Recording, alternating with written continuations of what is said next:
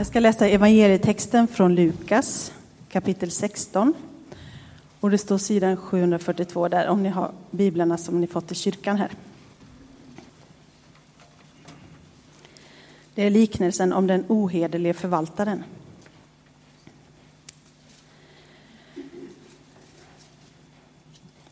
Han sa också till sina lärjungar, det var en rik man som hade en förvaltare och denne beskylldes för att förskingra hans förmögenhet. Mannen kallade till sig honom och sa, vad är det jag hör om dig? Lämna in dina räkenskaper, du kan inte vara kvar som förvaltare. Förvaltaren tänkte, vad ska jag göra nu när min herre avskedar mig? Gräva orkar jag inte och tigga skäms jag för.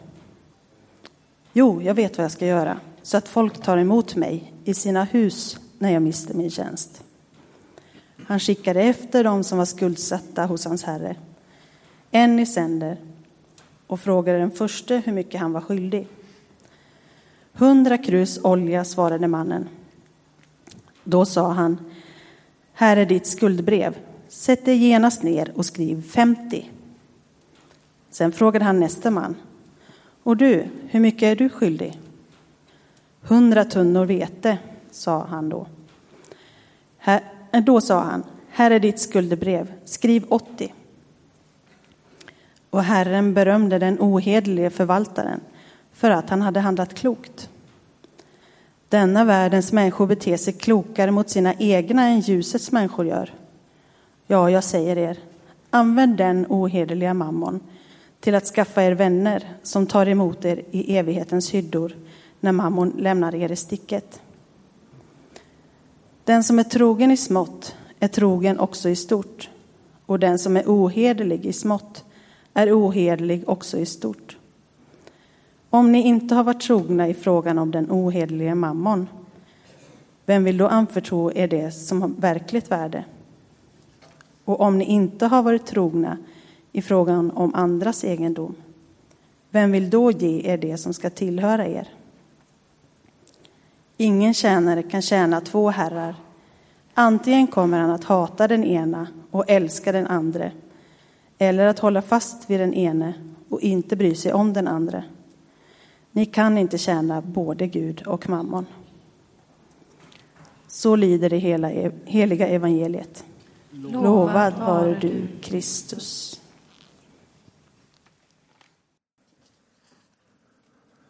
Jesus talade ofta i, i liknelser. Och det var ett sätt som han använde för att eh, belysa sitt perspektiv, att få dem som lyssnade att reflektera.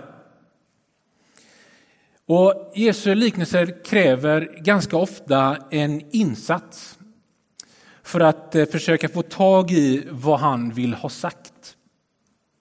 Det är inte bara ett färdigt svar på en fråga utan Jesus lockar oss att gå närmare honom. Och ibland och ganska ofta så lämnar liknelserna liksom en kvar en känsla. Och idag så får vi närma oss Jesus genom liknelsen om den ohedlige förvaltaren. Det är på en del sätt en svår liknelse att förstå. Ibland så brottas vi med Jesu ord och det är inte konstigt. Kanske är det följande tankar och frågor som väcks i oss när vi hör dagens liknelse. Har inte Jesus fel? För visst kan man tjäna två herrar samtidigt. Visst kan man tjäna både Gud och mammon. Är det inte det vi gör hela tiden? Gud är rik. Gud äger hela jorden. Och allt vad den innehåller är just Guds. Men många gånger är det som att världens alla rikedomar förskingras av dess förvaltare. Herren Gud tog människan och satte henne i Edens trädgård att bruka och vårda den men från den trädgården så blev människan förvisad och har sedan dess uppfyllt jorden och lagt den under sig, precis som Gud sa. Men tyvärr, väldigt ofta, som ohedliga förvaltare då vi har gått i mammons tjänst. Kan, man säga så? Eller tar jag i? Har vi verkligen gått i mammons tjänst? Liknelsen om förvaltaren det handlar lika mycket om världen, om staden, om samhället som också den enskilde. Den handlar alltså lika mycket om ett kollektiv som den enskilde individens hjärta. Livet har ju getts till oss alla. Oavsett om man tror på Gud eller inte så är det ju den här världen vi lever i. Så den behöver vi ju ta hand om. Vi behöver förvalta den. Då precis som allt annat så sköter sig inte världen sig av sig själv. Förvaltandet är både ett kollektivt och ett enskilt uppdrag. I Lukasevangeliet, som vi idag lyssnar till, berättas det om Jesus. Och i det sammanhanget som finns innan det vi läste idag så berättas det om att människor som levde i utanförskap av samhällets påhittade kriterier, att de sökte sig till Jesus. Eftersom hos Jesus så fick de plats. Och när de religiösa ledarna såg detta så kritiserade de Jesus för att han umgicks och åt med syndare. Och när Jesus hör detta så berättar han för dem tre liknelser på rad på temat det förlorade som har blivit funnit. Och den sista av de här tre liknelserna som vill liksom överbevisa de religiösa ledarna om att Guds kärlek just till dem som är förlorade. Och den sista av de här tre är den berömda Den förlorade sonen. Och kanske har de flesta av oss hört den. Och det här grekiska ordet, om vi går tillbaka till den ohedliga förvaltaren. Det grekiska ordet som beskriver hur den ohedliga förvaltaren förskingrar rikedomen är samma ord som används för hur den förlorade sonen slösar bort sin fars rikedom. Det är samma ord. Förskingra, slösa bort. Så två personer har fått rikedomar att förvalta. Och båda förskingrar eller slösar bort rikedomen. På det sättet är deras berättelse densamma. Den ohedlige förvaltaren och den förlorade sonen. Men sen, sen tar de olika vägar. Precis som för oss så ställs de inför ett val när livet har blivit som de inte hade tänkt. För det finns drivkrafter i oss som driver oss dit vi inte trodde att vi skulle hamna, men så plötsligt hamnade vi där. Efter att den förlorade sonen hade slösat bort sina pengar, hade fått uppleva fattigdomens nöd, så kommer han till insikt om, han sväljer sin stolthet, ångrar sitt sätt och vänder tillbaka hem. Och han hoppas på förbarmande. Och när han närmar sig sin faders hem så möts han av sin far. Så fort han ser sonen så möter han honom. Och han möts med medlidande och han möts med kärlek och fadern ställer till med fest. Sonen som lämnade han möttes av mer än han någonsin vågat hoppats på. Den vägen hem till Gud, Fadern, kan vara allas vår väg till barmhärtighet. När förvaltaren konfronteras och beskylls för att förskingrat förmögenheten så väljer han en annan väg än den förlorade sonen. De har alltså båda hamnat på en plats i livet där de inte trodde de skulle hamna och de stod inför ett val. Den förlorade sonen hade hamnat i utanförskapet och förvaltaren såg nu att han var på väg åt samma håll. Men han ville inte gräva. Alltså arbeta hårt för sitt uppehåll. Han vill inte tigga. Så vad ska han göra?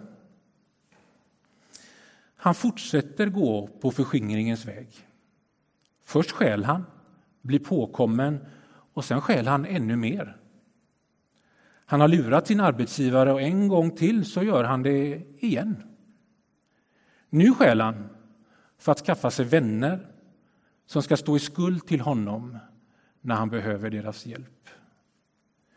Tyvärr kan även den vägen vara allas vår väg. Och så kommer vi till det märkliga. När den ohederlige förvaltaren valt sitt agera så får han beröm. För exegeten och för en sån som mig så blir det nu svårt. Jesus säger att Herren berömmer. Är det den rike som berömmer? Är det Jesus som berömmer? Vem vet? Jag vet inte. Men vem det nu än är som berömmer så beröms förvaltaren för att han har använt mammon till att skaffa vänner. Så jag tror inte att man ska tro att Jesus godkände eller gillade vad förvaltaren gjorde. Utan förvaltaren beröms för, att, för hans förmåga att klara sig ur en svår situation utifrån sitt sätt att leva. Jesus kallar ju ändå honom för ohederlig. Så jag tänker att förvaltaren blir ett exempel på tjänandet av den ohederlige mammon. För en sanning som förvaltaren har fått tag i är att mammon är just ohederlig. Och till slut så lämnar han oss i sticket. Lite gammal lax, men jag tror ni förstår, i sticket. För att vara smart och rättfärdig, det är inte alltid samma sak. Att lagligt komma undan med att betala så lite skatt som möjligt, det kan ju vara smart. Och man kanske behöver vara smart för att göra det, men det är ju inte rättfärdigt. Där har ni något att prata om på söndagsmiddagen. Efter berömmet så visar Jesus på en annan väg. En annan väg än mammons. Mammon kommer från ett arameiskt uttryck som betecknar pengar eller rikedom. Och det här arameiska ordets ursprung kan ha funnits i det hebreiska ordet matmon. Matmon, som betyder skatt. Och detta ordet det använde Jesus. Han sa bland annat, ty där din skatt är, där kommer också ditt hjärta att vara. Så när vi närmar oss en annan väg än mammons, när vi närmar oss Jesu väg, så handlar det om hjärtat. Vårt innersta som leder och styr våra beslut. Att bygga sitt liv på rikedom, det är för svagt. Det är alldeles för osäkert. Det behöver inte handla om slöseri eller förskingring, utan det kan vara krafter bortom vår kontroll som gör att mammon lämnar oss i sticket. Och Gud vill inte lämna oss i sticket, utan han vill att vi bygger våra liv på en berggrund. Så när dåliga tider kommer, när finanskrisen kommer, när konkursen kommer, så rasar inte våra liv ihop utan de är byggda på en stabilare grund. Och Jesus säger att den som hör hans ord och handlar efter dem är som en klok man som byggde sitt hus på en berggrund. Kan det även gälla orden om att ni kan inte tjäna både Gud och mammon? Jesu väg handlar om just det att tjäna Vad som är värt att placera vår skatt i, för där kommer också vårt hjärta att vara. Så det handlar inte om att pengar inte ska användas. Det betyder inte att Jesus är emot pengar, att pengar kan ge möjligheter, att pengar kan ge glädje i livet, att pengar kan ge trygghet. Utan det handlar om vem vi vill tjäna med våra liv. Och fortsätter man läsa i Lukas 16, där vi hörde från förut, så handlar det om pengar. Efter att Jesus berättat klart sin liknelse så berättas det att fariseerna hörde hans liknelse och att de gjorde narr av honom. Och så skriver Lukas, väldigt generaliserande och så, men att de älskar pengar. Ni, ni som känner mig, ni vet att jag gillar fotboll. Det är, det är ingen hemlighet, utan det dyker upp fotbollsliknelser både på det ena och andra hållet. Och då och då så läser man om, om en hängiven supporter. Och nu så denna helgen så drar Premier League igång, den engelska ligan. Så då kommer alltid något reportage någonstans som jag gärna läser. Och så uttrycker de sin kärlek till sitt lag. Och stora och starka ord som att man lever för det här laget. Och jag kan förstå det, men ändå inte. Fotboll är ju bara en av många saker i våra liv som ger oss glädje, som ger oss mening, men som kan få alldeles för stora proportioner. Och så är det också med pengar. Varför tjänar det skapade när vi kan tjäna skaparen? Jesus säger ingen tjänare kan tjäna två herrar. Så när det gäller pengar så handlar det inte om att kristna inte ska ha med pengar att göra eller ett fattigdomsideal. Utan man tror att Jesus är Herre. Och då vill jag tjäna honom. Och då kan man inte samtidigt ha rikedom som sin Herre. För då är ju inte Jesus längre Herre. Om man tror att Jesus är Herre och vill tjäna honom så kommer vi alltid leva i krafter inom oss själva, våra egna krafter, och krafter utifrån som kommer konkurrera om den platsen. Det handlar inte om att, att inte livet får rymma många olika saker. Det får rymma fotboll, det får rymma alla möjliga saker. Utan det handlar om platsen som just Herre. Och mammon är en sådan kraft. Och då menar jag inte, det är många inte här nu, och då menar jag inte mammon som en person, utan just attraktionskraften som rikedom kan ha på våra hjärtan. Världen, och då även vi, kan bli uppslukad av pengar. Vi kan drivas av att tjäna mycket pengar.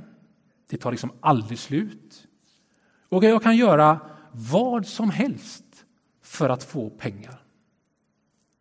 Eftersom det finns sådana krafter så jämför Paulus sitt liv med den text som också rekommenderas att läsas idag med att livet med Jesus som Herre och att tjäna honom det är som en god kamp som han har kämpat. Ett lopp som han har fullbordat och att han har bevarat tron. Så är det också för oss. Vill man ha Jesus som Herre så kommer det finnas kampmoment att låta honom fortsätta att vara det. Det kommer vara kamp. Och En av de saker som vill ta bort den platsen det är just rikedom och pengar. Det är en smal väg. Och Då får man om och om igen återkomma till vem är min Herre? Vem vill jag tjäna? Och ibland så får man stanna upp som vi gör idag.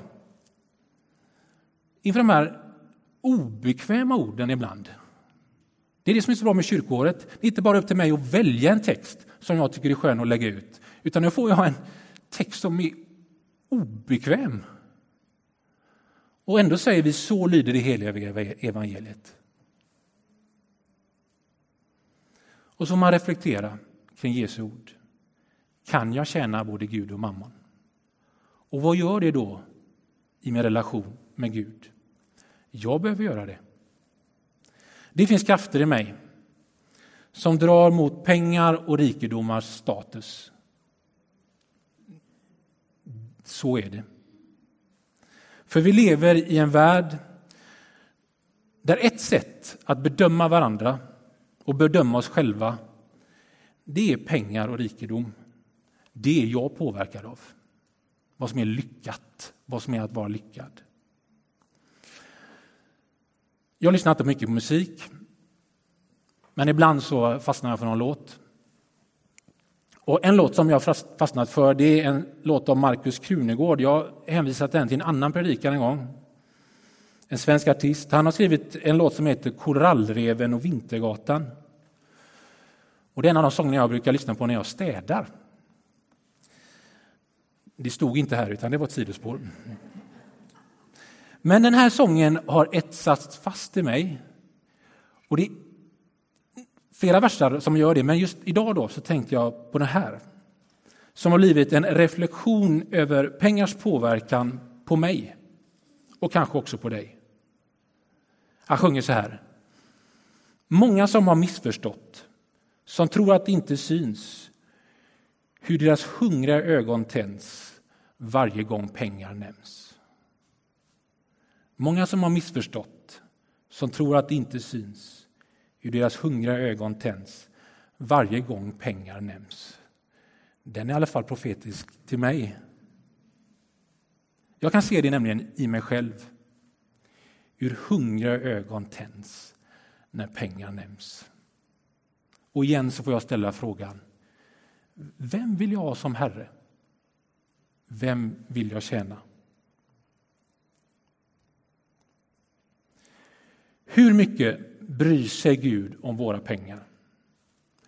Är Gud som en bank som lånar ut till oss och det vi har fått av Gud, det vill han att vi ska amortera tillbaka. Och under tiden vi gör det så ska vi betala ränta i form av tionde eller vad vi nu ger. Är Gud sån? Hur mycket behöver Gud våra pengar? Är Gud som en hjälporganisation som vädjar till oss att ge just till hans projekt? Förstå mig rätt här nu. Jag tror inte Gud egentligen bryr sig så mycket om våra pengar. Jag tror inte Gud behöver våra pengar. Nu får ni höra det starkaste idag. Gud är inte en bank. Det jag tror att Gud bryr sig om, det är våra hjärtan. Att det är våra hjärtan han vill ha. Gud vill att vi ska älska honom och hålla fast vid honom. För Gud vet att där vi har vår skatt, där kommer också vårt hjärta att vara. Så det Gud bryr sig om är hur vi förhåller oss till pengar. För det är ett sätt som berättar om vart vi har våra hjärtan. Och Gud är som en himmelsk fader som älskar sina barn och som gläds över när vi tar emot och gensvarar på hans kärlek. Inte för att vi måste, inte för att vi tvingas, utan för att vi vill. Vi bör inte ge våra pengar till kyrkan, till hjälporganisationer, människor i nöd för att vi tror att Gud säger att vi måste eller för att vi är skyldiga Gud. Vi gör det för att vi vill. Vi gör det för att världen och människor behöver det. Och i perspektivet på tron på Gud så visar det vart vi har våra hjärtan. Och för att våra hjärtan ska fortsätta formas. För att ge för att man måste, det är väldigt kortsiktigt. Det hjälper givetvis, det är viktigt. Men att ge för att man vill, det skapar mer långsiktig förändring. För om världen skulle stanna nu och här, ge allt som behövdes för att bryta fattigdomen, här och nu, bara så där, Så självklart så hade det ju hjälpt. Det fattar ju vem som helst. Men ganska snart så hade fattigdomen vuxit fram igen. För att bryta fattigdomen så behövs en förändrad värld. Och det börjar i ett förändrat hjärta.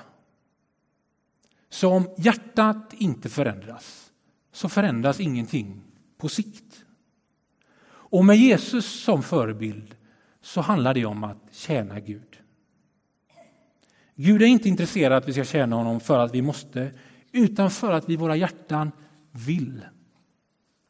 Och en bra början då, det är att vara trogen i det lilla. Vad har du fått? Vad kan du bidra med? Vad kan du ge?